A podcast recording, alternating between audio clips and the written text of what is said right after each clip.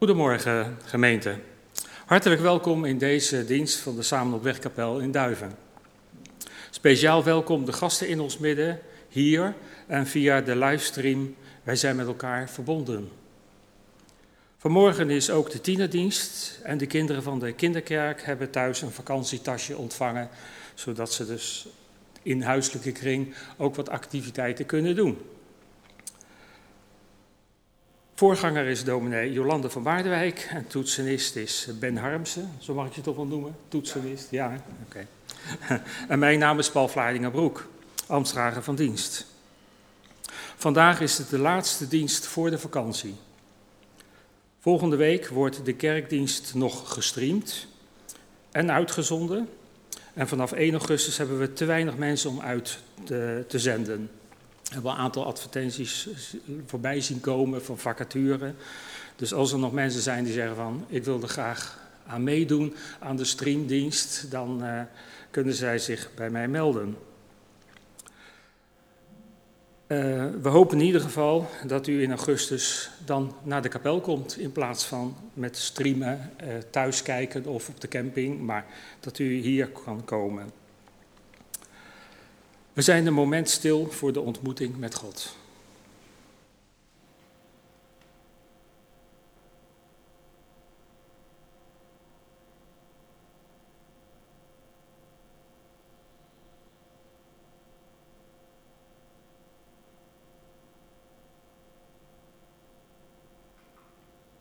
Wij zingen het openingslied uit Hemelhoog 16 als een hert dat verlangt naar water. Thank you.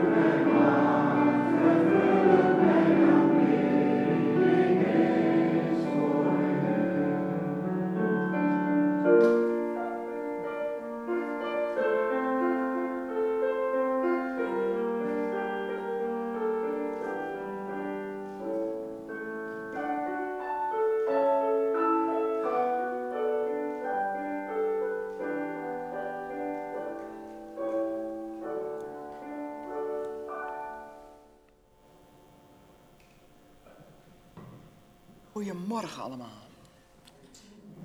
We hebben God met dit lied aanbeden, een beetje een andere versie van Psalm 42. En we hebben daar onze schepper en vader in Jezus Christus in geloofd, geprezen. En we zijn in Hem verbonden. In Gods geest mogen we samen zijn. En mag ik u ook groeten op deze ochtend, de groeten van God. Amen. Als opmaat naar het gebed om ontferming, het Kyrie, gaan we luisteren en mee proberen te zingen met Psalm 130. Dat is uit de Psalmen voor nu. Uit de diepte roep ik u.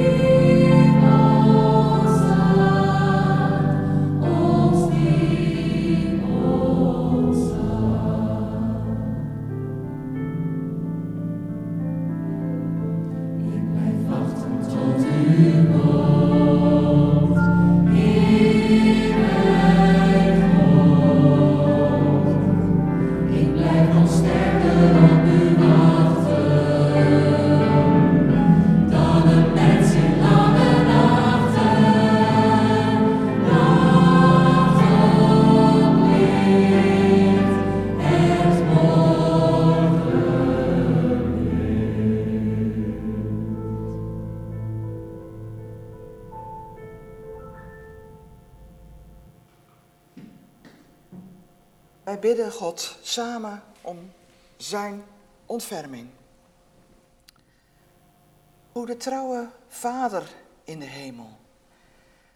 Mogen aan het begin van deze dienst eerst weer bij u komen, bij u kruipen, uit de diepte tot u roepen, want we hebben van de week weer veel gezien en gehoord dat ons geschokt heeft en misschien ook wel bang gemaakt. Hoe ver zal dat water onze kant op komen? Blijft het in Limburg? Zullen er ook in ons land mensen verdrinken, zoals in Duitsland en België? Hoe ver zal de Rijn komen? Hoe ver zal de IJssel overstromen? We zien de uiterwaarden vollopen en de Rijnkade al bijna overspoeld worden. We zien de mensen in veiligheid een plek zoeken. Dat er hulp nodig is. En ook vandaag nu wij bidden, gaan er mensen in auto's naar Limburg toe om daar te helpen opruimen, puinruimen. Heer, zegen de hulp die daar geboden wordt. We zijn ook geschokt van het overlijden van Peter de Vries. We begrijpen niet dat zomaar een eind kan komen aan, een, aan het leven van een vitale man die nog zoveel van plan was te doen aan onrechtbestrijding. We leggen onszelf voor u neer, Vader, in onze geschoktheid, verslagenheid. Heer, sla uw armen om ons heen, om deze wereld, om ons land. En dan hebben we het alleen nog maar over Nederland. Zoveel in deze wereld die nog niet ingeënt zijn, nu de Delta-variant oprukt. Heer, ontferm u over deze wereld. Wees ons nabij, zoals alleen u ons kunt dragen, optillen, voor ons uit kunt gaan. Geef alstublieft dat mensen open zullen zijn voor u en voor uw wens dat wij leven en gezond zijn en niet in angst en duisternis en in de diepte hoeven te blijven hangen. Til ons op als wij uit de diepte tot u roepen. Heer, hoor ons. In Jezus' naam. Amen.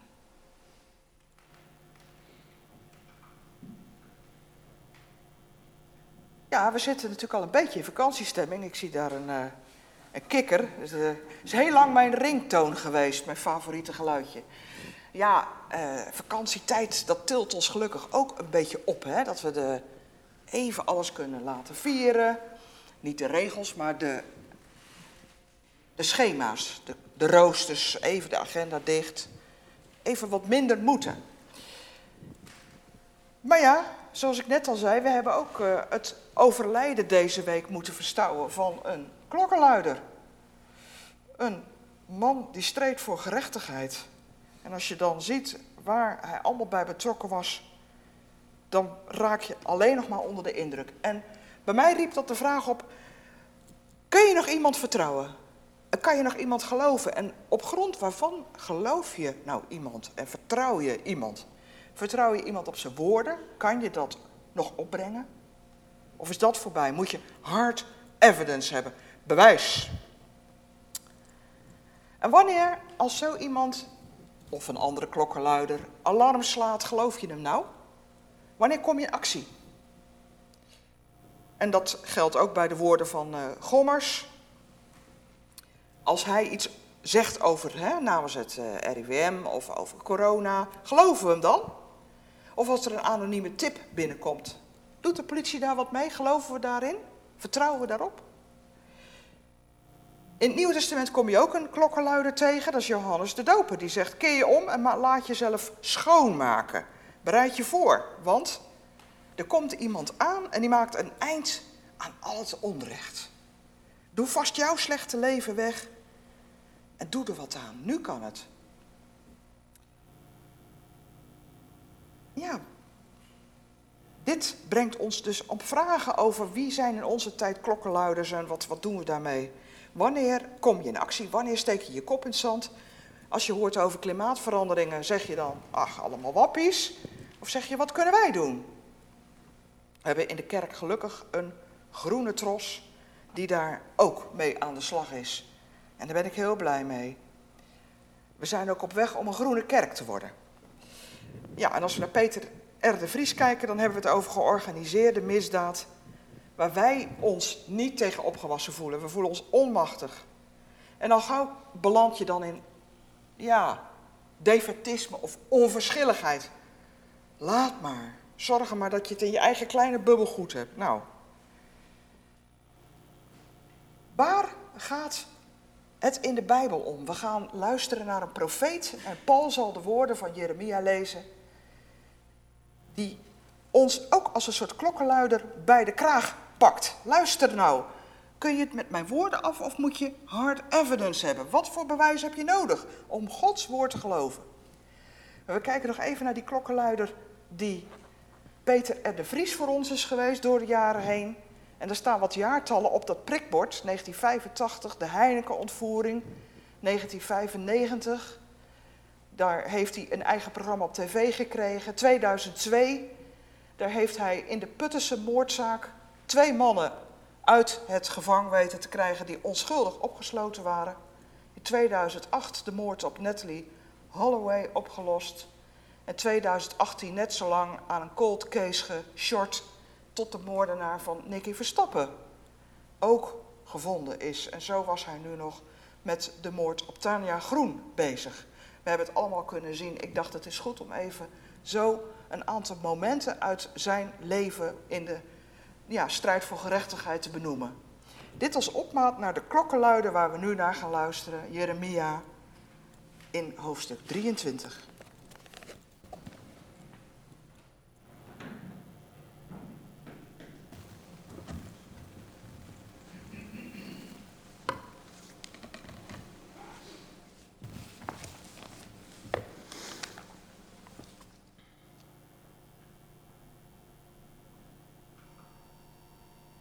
Wee de herders die de schapen van mijn weide in het verderf storten en laten verdwalen, spreekt de Heer. En daarom, dit zegt de Heer, de God van Israël, tegen de herders die mijn volk weiden: Jullie hebben mijn schapen verjaagd en laten verdwalen. En jullie zijn ze niet gaan zoeken. En daarom ga ik jullie zoeken. Ik zal jullie straffen voor je kwalijke praktijken, spreekt de Heer. Wat er nog van de schapen over is, zal ik bijeenbrengen uit alle landen waarheen ik ze verjaagd heb. Ik breng ze terug naar hun weide. Ze zullen vruchtbaar zijn en in aantal toenemen. Ik zal herdersovers aanstellen die ze zo zullen hoeden dat ze geen angst meer kennen en er niet één meer zal worden gemist, spreekt de Heer. De dag zal komen, spreekt de Heer, dat ik aan Davids stam een rechtmatige telg laat ontspruiten, die als koning een wijs beleid zal voeren en die in het land recht en gerechtigheid zal handhaven. En dan wordt Juda verlost en zal Israël in vrede leven. En zijn naam zal zijn, de Heer is onze gerechtigheid.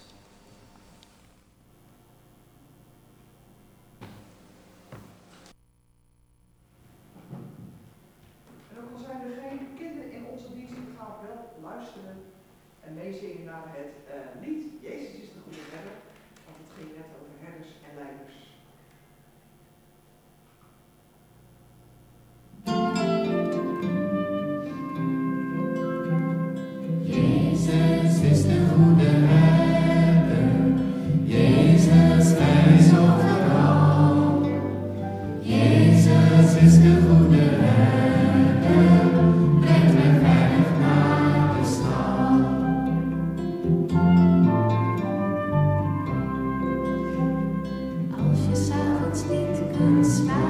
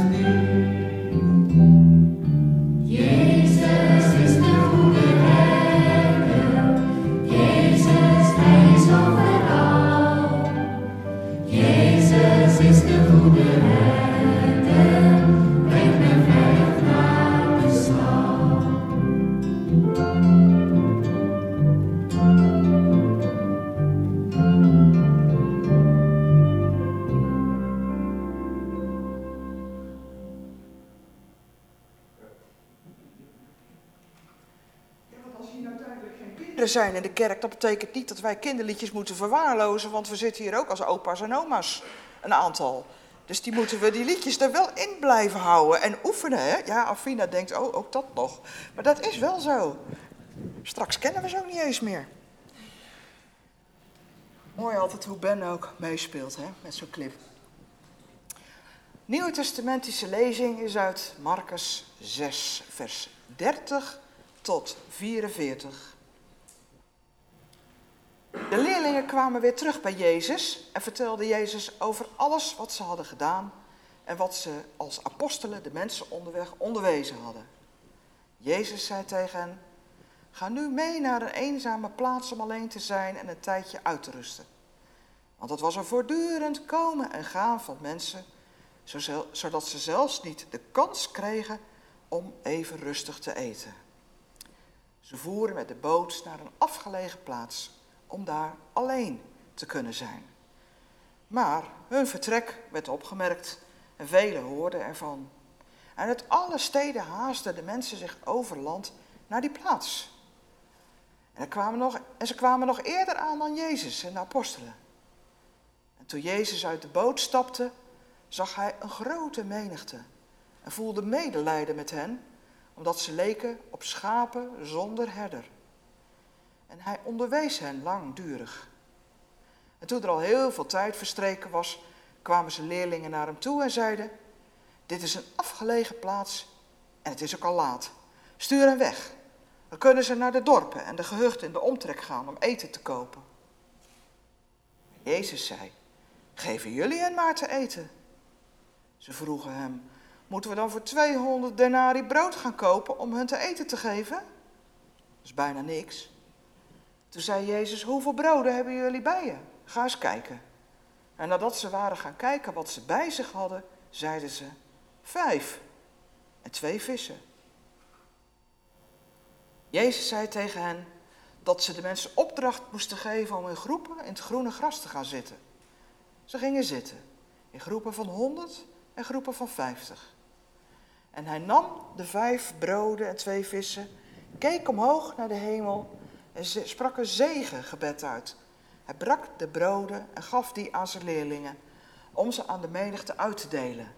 En ook de twee vissen verdeelde hij onder allen die er waren. Iedereen at en werd verzadigd. Ze haalden de overgebleven stukken brood op, waar wel twaalf manden mee konden worden gevuld en ook wat er over was van de vissen. Vijfduizend mensen hadden van de broden gegeten. We zingen eh, lied 100, 800, vers 1 en 3. En dan denk je misschien, die ken ik ook niet. Misschien dacht je dat al eerder. Maar Ben, ik wou je vragen om het even voor te spelen in het tempo dat erbij hoort. Want er zit maar een halve rust tussen de eerste en de tweede regel en de volgende regels, geloof ik.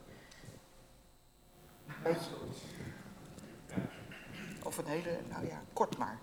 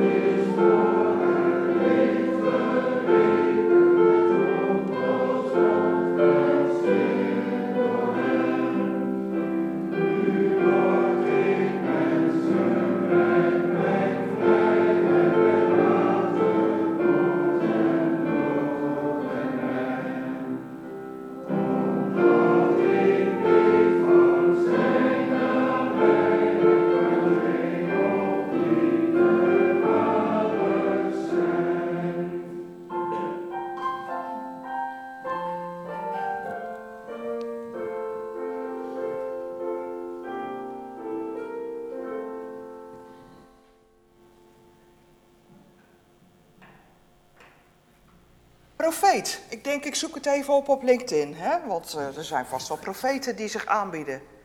Aha, profeet. Wat is dat voor iets? Ik lees het geloof ik niet helemaal goed. Volgens mij staat er geen profeet, maar profiet.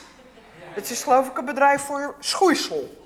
Nou, dat uh, heb ik dan verkeerd. Uh, ja, profeet, dat is niet te vinden eigenlijk. Hè? Als je nu zoekt naar, eh, ik zou wel eens een profeet willen inhuren. Niet op LinkedIn in ieder geval. Zijn er nog mensen die een profeet kunnen noemen nu, vandaag de dag? Hoe zeg je? Nee, iemand die nog wel zegt van nou, dit, die of die vind ik echt een profeet? Weerkundigen. Weerkundigen, oké, ja. Ja, er komt een, dat, ja, ja. Nou, het is, uh, het is dus geen erkende beroepsgroep meer, zullen we maar zeggen. En uh, ook geen bekend verschijnsel. Ik denk dat we misschien wel 1 en 2 zouden bellen als we iemand in een kemel en haren mantel door duiven zouden zien scharrelen. Ons beeld van een profeet is eigenlijk iemand die een eenling is, die het in zijn eentje tegen een heersende groep opneemt, tegen de cultuur in of tegen de regering in. En eigenlijk zeggen we dan wel eens met bijbelse woorden, dat is een roepende in de woestijn. Ja, een eenling. Een klokkenluider, dus noemen we zo iemand nu. Of misdaadonderzoeksjournalist. En als iemand dan alleen maar narigheid voorspelt, dan noemen we hem ook nog een onheilsprofeet. Nou weten we daar voorbeelden van. Uh, hoe? Willem Engel, oké. Duidelijk. en uh, ja, ik zat zelf een beetje aan Pieter Omzicht te denken. Het is geen onheilsprofeet, maar wel een ja, klokkenluider. Hè? Iemand die ook niet bang is om iets negatiefs te zeggen. Of Julian Assange moest ik aan denken.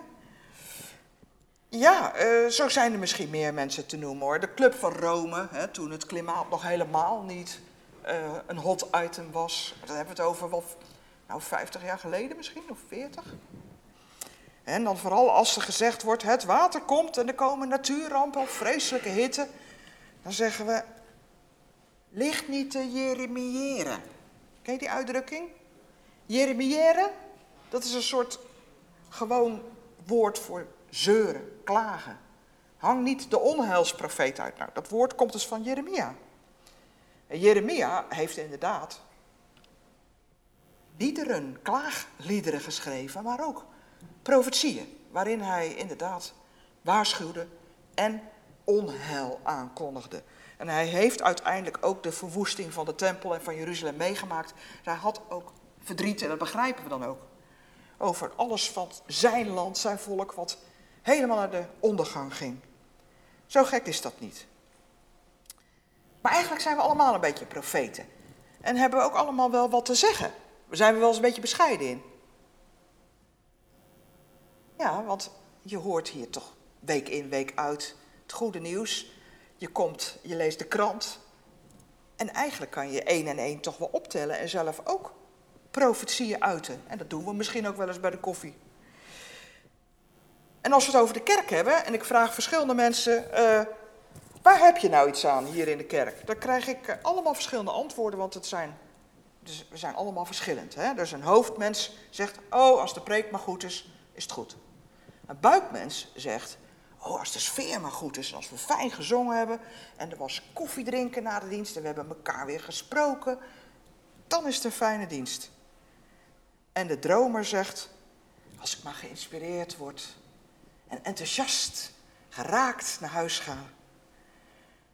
Dus profetie kan in heel veel verschillende vormen naar ons toe komen. In een preek, in een lied, in een gedicht in ontmoeting, in koffie drinken met elkaar. Er kan in gesprek ontmoeting dus ook heel veel profetie naar je toe komen. Dat is even om het beeld wat we van de Bijbel hebben een beetje losser te maken. Maar Jeremia's profetieën die zijn eigenlijk hele rake, actuele boodschappen in een tijd dat het ook echt moeilijk is in Israël. Als hij het over de herders heeft, zoals Paul las, dan bedoelt hij de leiders. De leiders van het volk. En die hoeden die schapen niet, die beschermen die schapen niet. Nee, die maken ze eerder in de war en bang en jagen ze uit elkaar. Want Israëls koningen zijn eigenlijk alleen maar bezig om hun eigen hachje te redden. Om hen heen worden Egypte en Babel steeds machtiger, de buurlanden. En die dreigen Israël te verpletteren, te, te pletten. Dat kleine strookje land tussen die twee grootmachten. En Jeremia dringt er dan bij de koning Joachim op aan om niet op Babel te leunen of op Egypte te vertrouwen. En Babel verslaat uiteindelijk Egypte. En dan wil Joachim, de koning, meteen een coalitie aangaan met Babel. Gauw vriendjes worden met de sterkste. Jeremia waarschuwt, niet doen, alleen op God vertrouwen, blijf neutraal. Maar helaas, naar hem wordt niet geluisterd. En Jeruzalem wordt onverbiddelijk door Babel bezet. En de eerste golf ballingen, de adel, wordt afgevoerd naar Babel. En dan komt er een tweede deportatie in 587 voor Christus en dan wordt Jeruzalem helemaal verwoest en de tempel leeggeroofd. Dan breekt een lange tijd in dat verre Babel aan, een vreemd land. En geen Jood weet hoe lang. Maar hadden ze Jeremia's woorden gehoord en opgeslagen, dan hadden ze geweten, er komt een eind aan. Het duurt 70 jaar. Daniel heeft dat boek wel bij zich, als hij in Babel aan het hof verder opgroeit. Hij weet het, 70 jaar. Daarom vroeg ik in, in het begin aan jullie, waar vertrouw je op? Zijn woorden soms genoeg? Of moet er altijd hard bewijs bij komen voor je iemand gelooft? En Jeremia is niet geloofd.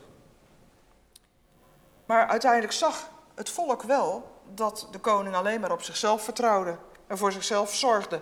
Dat ze als leiders, als herders faalden. Dat de macht zichzelf diende en het best voor zichzelf zorgde. Kunnen we dat met nu vergelijken? Nou, we zitten nu niet klem tussen grootmachten. In de Koude Oorlog was dat wel, tussen Amerika en Rusland. Dat is voorbij.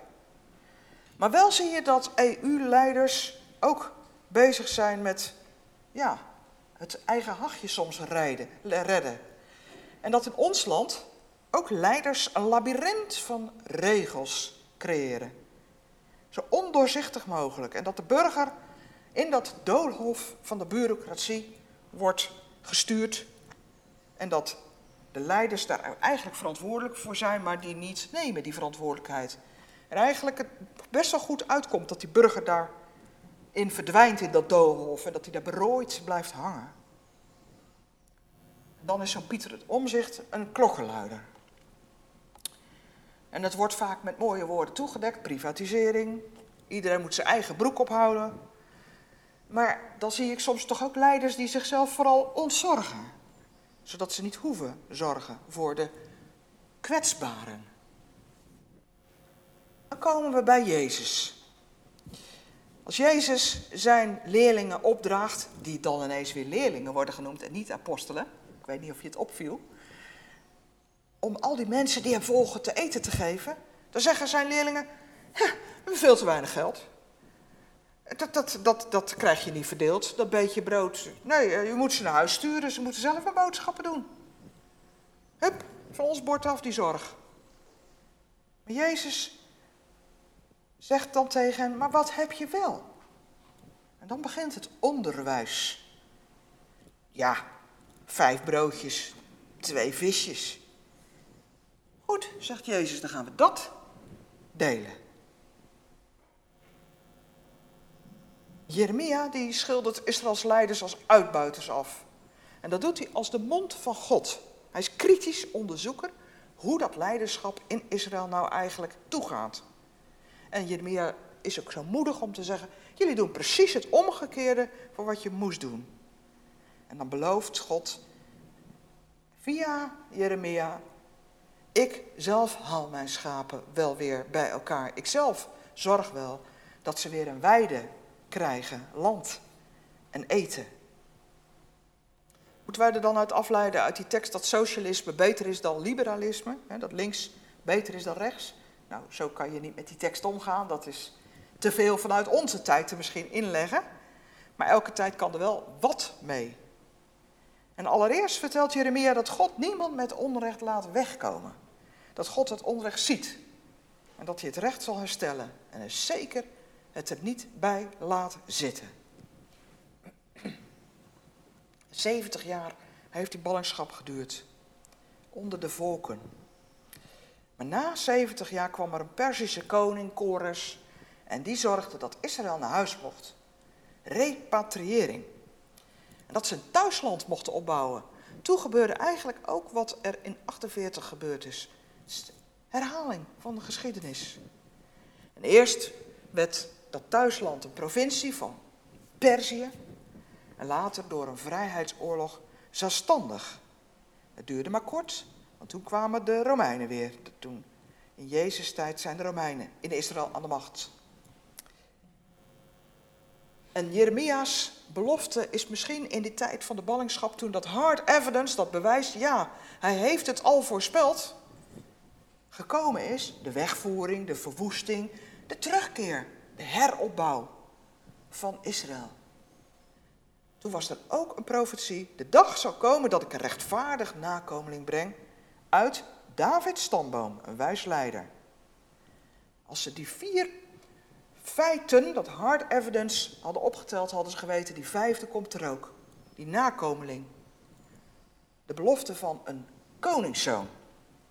En gij wonder dat Joden hoop kregen toen de Maccabeeën-familie, dat waren een, een, stel verzetsmensen, een clan mensen die een vrijheidsoorlog begon, dat misschien uit hen wel die tellig zou komen.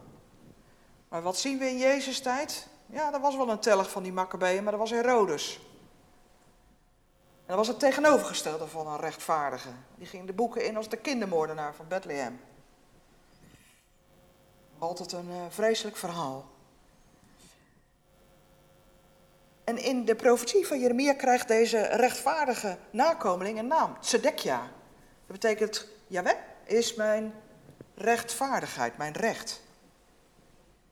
Er was ook een koning in die tijd die zo heette. Dan spreken wij dat uit als Zedekia.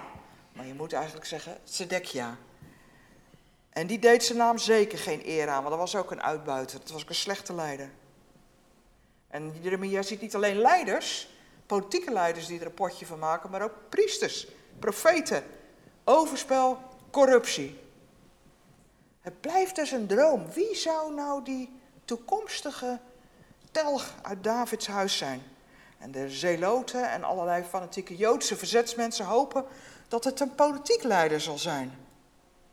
En uiteindelijk komt dan Jezus. Maar hij houdt het op het tempelplein. Schoonvegen. De bezem door al die uitbuiterij. Verder was Jezus een vredelievend mens, die liever de prijs voor zijn boodschap met zijn eigen leven betaalde, die liever een offer bracht.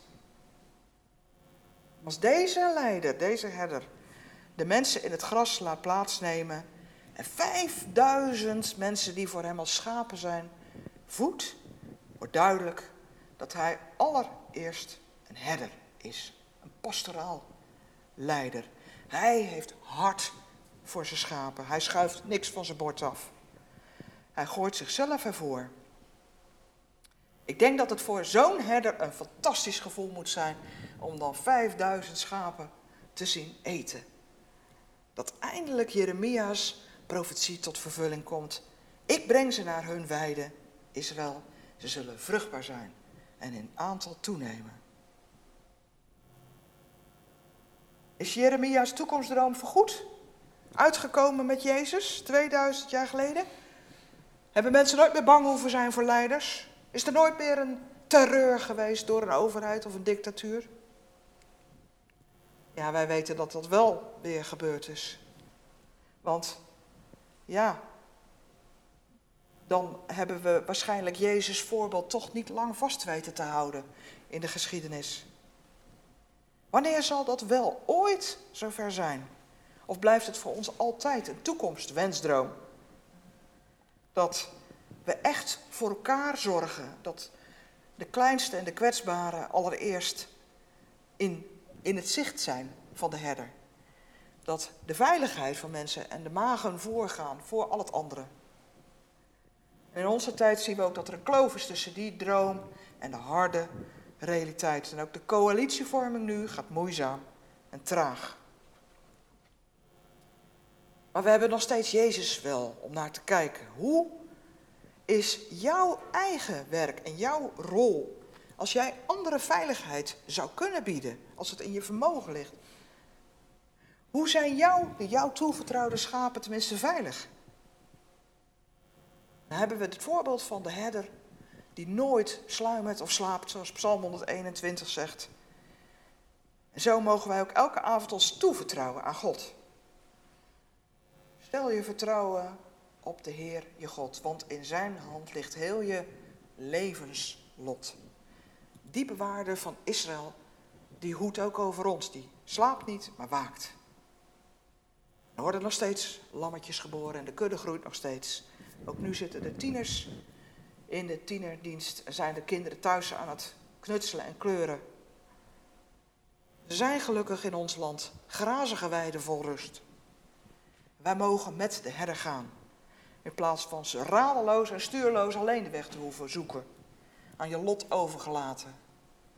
Jezus is de weg door dat diepe dal waarheen wij soms moeten gaan.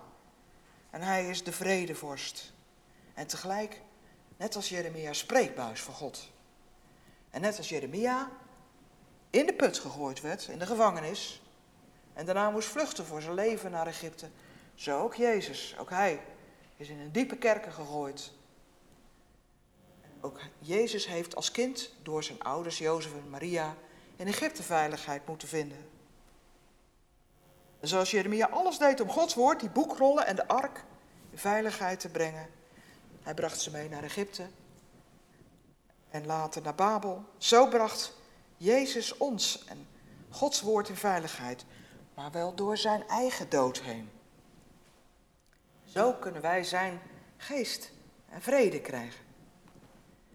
En verlost Jezus ons van al die regels, van alles wat moet en de vrijheid de, sorry, de, de wet, zoals we dat zo vaak als een drukkend iets ervaren, net als nu in coronatijd de RIVM-regels, die ontnemen ons toch de vrijheid, vinden we.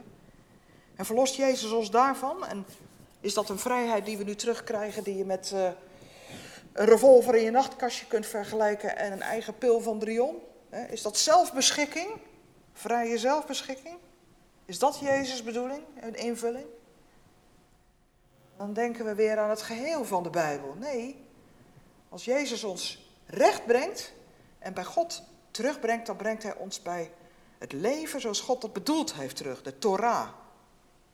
Daarin staan de regels voor het leven, voor hygiëne, voor veiligheid, gezondheid, voor omgaan met elkaar, voor zuiverheid, voor grenzen in de omgang met elkaar. Het is een boek vol leven, niet een doodmakend, levenbeknellend boek, zoals wij soms regels ervaren, maar een schatkaart naar eeuwig leven. En Jeremia is ooit zo ver gegaan dat hij de boekrol op had. Zo kunnen we Gods woord ook in ons opnemen, ermee vergroeien. Het tot pokom in ons leven laten zijn. Dat wij daardoor zelf gaan groeien en bloeien en dat we Gods liefde door onze aderen kunnen voelen lopen. Natuurlijk hou je je vragen en onduidelijkheden misschien over het boek, de Bijbel. Maar van God mag je zeker zijn. Met Jezus mee, overal doorheen. Geef je over. Dat valt niet mee, want dan moet je die westerse, rationele geest misschien soms even op het tweede plan zetten. Niet dat hoofdmens zijn, maar even je eigen kwetsbaarheid ook voelen. Dat je zelf ook een kind, een schaapje bent. En vertrouwen op God die betrouwbaar is. Een gentleman, liefde in persoon.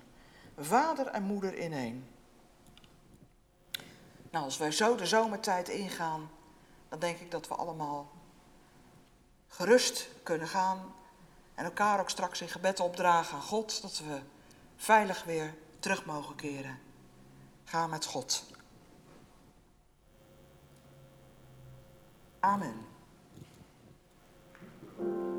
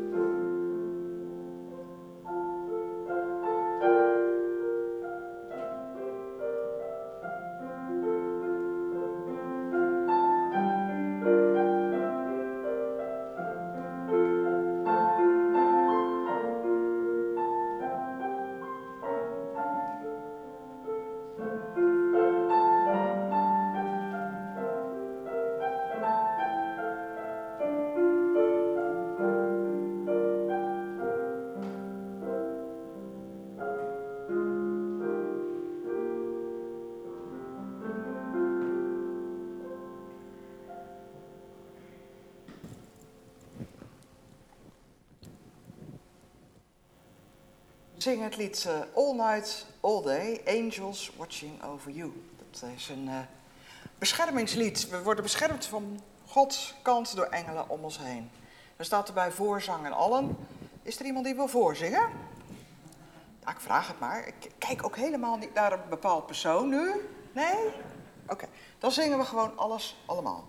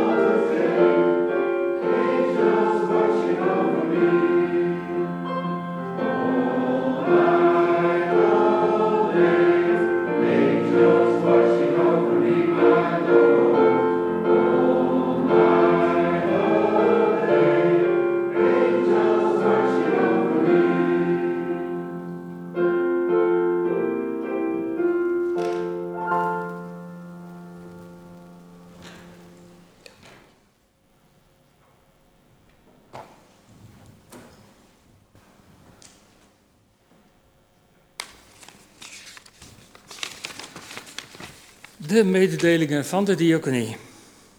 De bloemen van vandaag gaan ter bemoediging naar mevrouw Joop Mulder in de Van der Lekstraat. Ze staan hier, ze staan er niet zo mooi bij. Wacht.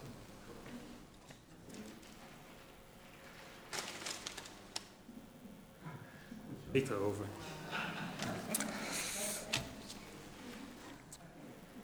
Uh, gisteren zijn de bloemen gebracht naar het echtpaar Leenders aan de Van Gooienstraat. Ze zijn morgen 60 jaar getrouwd. Van harte gefeliciteerd. En uh, sommigen hebben het al gezien, verrassing, er is een witte roos. Een tijden niet gehad. Maar uh, op 30 juni is geboren David Wieser, zoon van Hans en Rianne. Dus van harte gefeliciteerd. Uh, en de, mijn vraag is van wie wil deze zoon naar Hans en Rianne en David brengen. Misschien is dat iemand. Ik ben van de week uh, langs geweest. Het is een uh, prachtig zoontje. Collectes vanmorgen zijn voor de plaatselijke diaconie. En de tweede collecte is voor het algemeen kerkenwerk. Er komt nu een filmpje.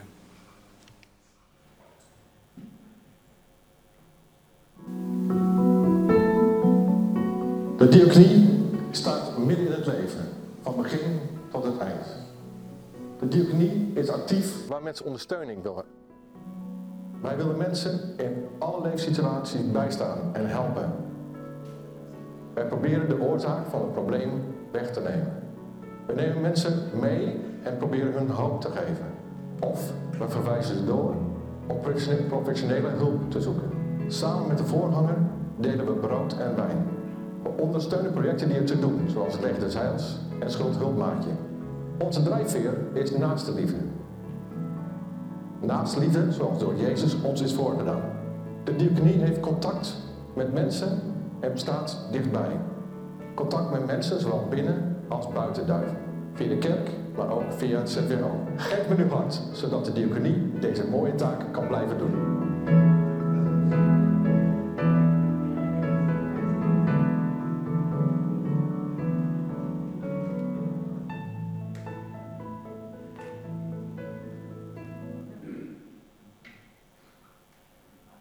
U kunt u, gaven, uh, kunt u geven aan de schalen, die ik overigens nog moet neerzetten, realiseer ik me. Uh, ik zal ze in de hal zetten, maar thuis kunt u, of waar dan ook, kunt u ook uh, via de gift geven of via de bankrekeningsnummers die in de kerkmail staan. Ik kan ook nog meedelen dat de jaarrekening 2020 en de meerjarenbegroting zijn goedgekeurd.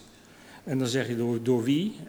door een uh, heleboel instanties. En informatie daarover kunt u bij mij krijgen. Geef met uw hart.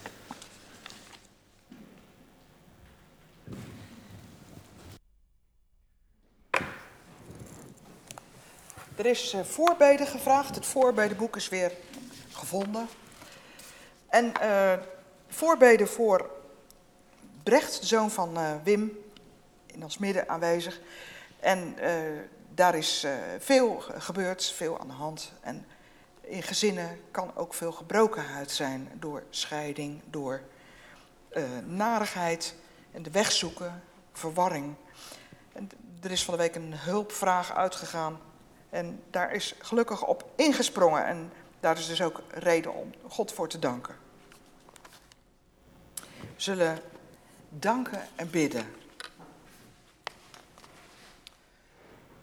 Goede herder, wij mochten u zien. In Jeremia's woorden, in Jezus' gebaren, waarin hij brood en vissen brak. En u daarom een zegen vroeg over het eten en uitdeelde. En deelde en deelde en deelde tot er iedereen verzadigd was en er genoeg was en zelfs nog over. Zo hebben wij u vanochtend ontmoet. En zo mogen we met u meegaan en gaat u met ons mee. Waar we ook gaan de komende week. Wij bidden u voor wie u nodig heeft. En die ergens in dat dal gaan het dwalen is. En die zegt, waar bent u God? Waar vind ik houvast? Waar vind ik hulp? Waar vind ik onderdak, veiligheid? Brood, een plek om te slapen. Voor al die mensen die uw hulp nodig hebben, zoals de diaconie ook helpt, bidden wij u en voor de diaconie om te kunnen blijven helpen.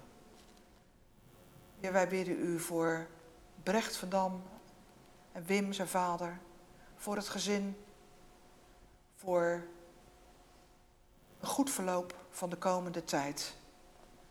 Wilt u zelf uzelf laten zien en meegaan als herder op hun weg?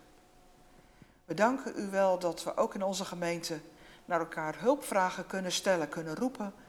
Kom, help eens even een tijdje. En dat er dan ook geantwoord wordt. We danken u wel dat u ons aan elkaar geeft op die manier als gemeente. We willen ook in stilte u de namen noemen van mensen die hier niet hardop genoemd zijn, maar wel u nodig hebben.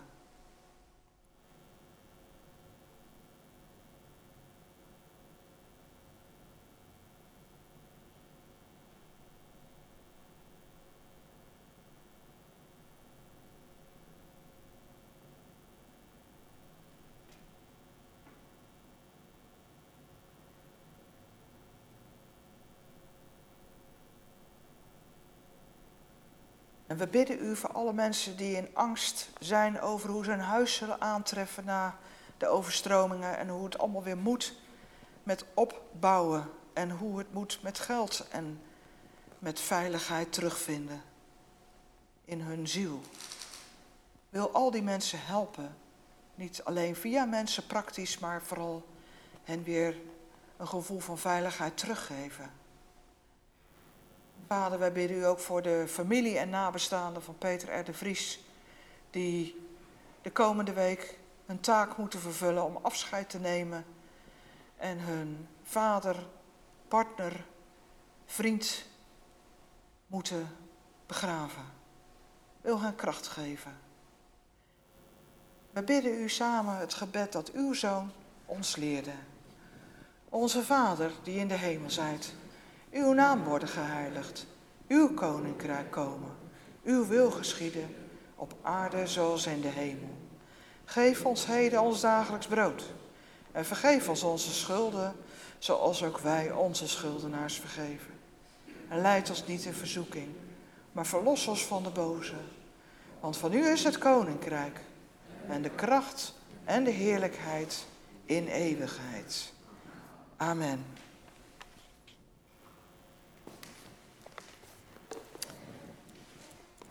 Zullen we gaan staan en het zo mogelijk? En het slotlied zingen, ga met God en hij zal met je zijn.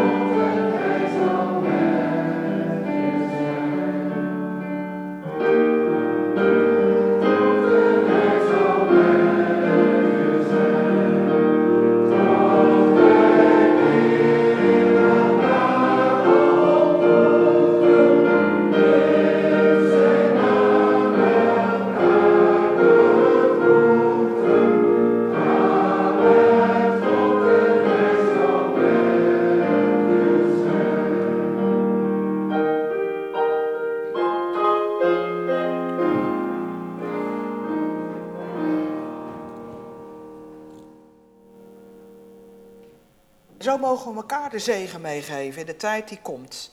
En dan zeg ik goodbye. En dat betekent God be with you. God zij met je. Ga met God. En God zal met jou gaan. Waar je ook gaat. En dan ben je veilig. Voor tijd en eeuwigheid. Door leven en dood heen. En zijn engelen waken over je.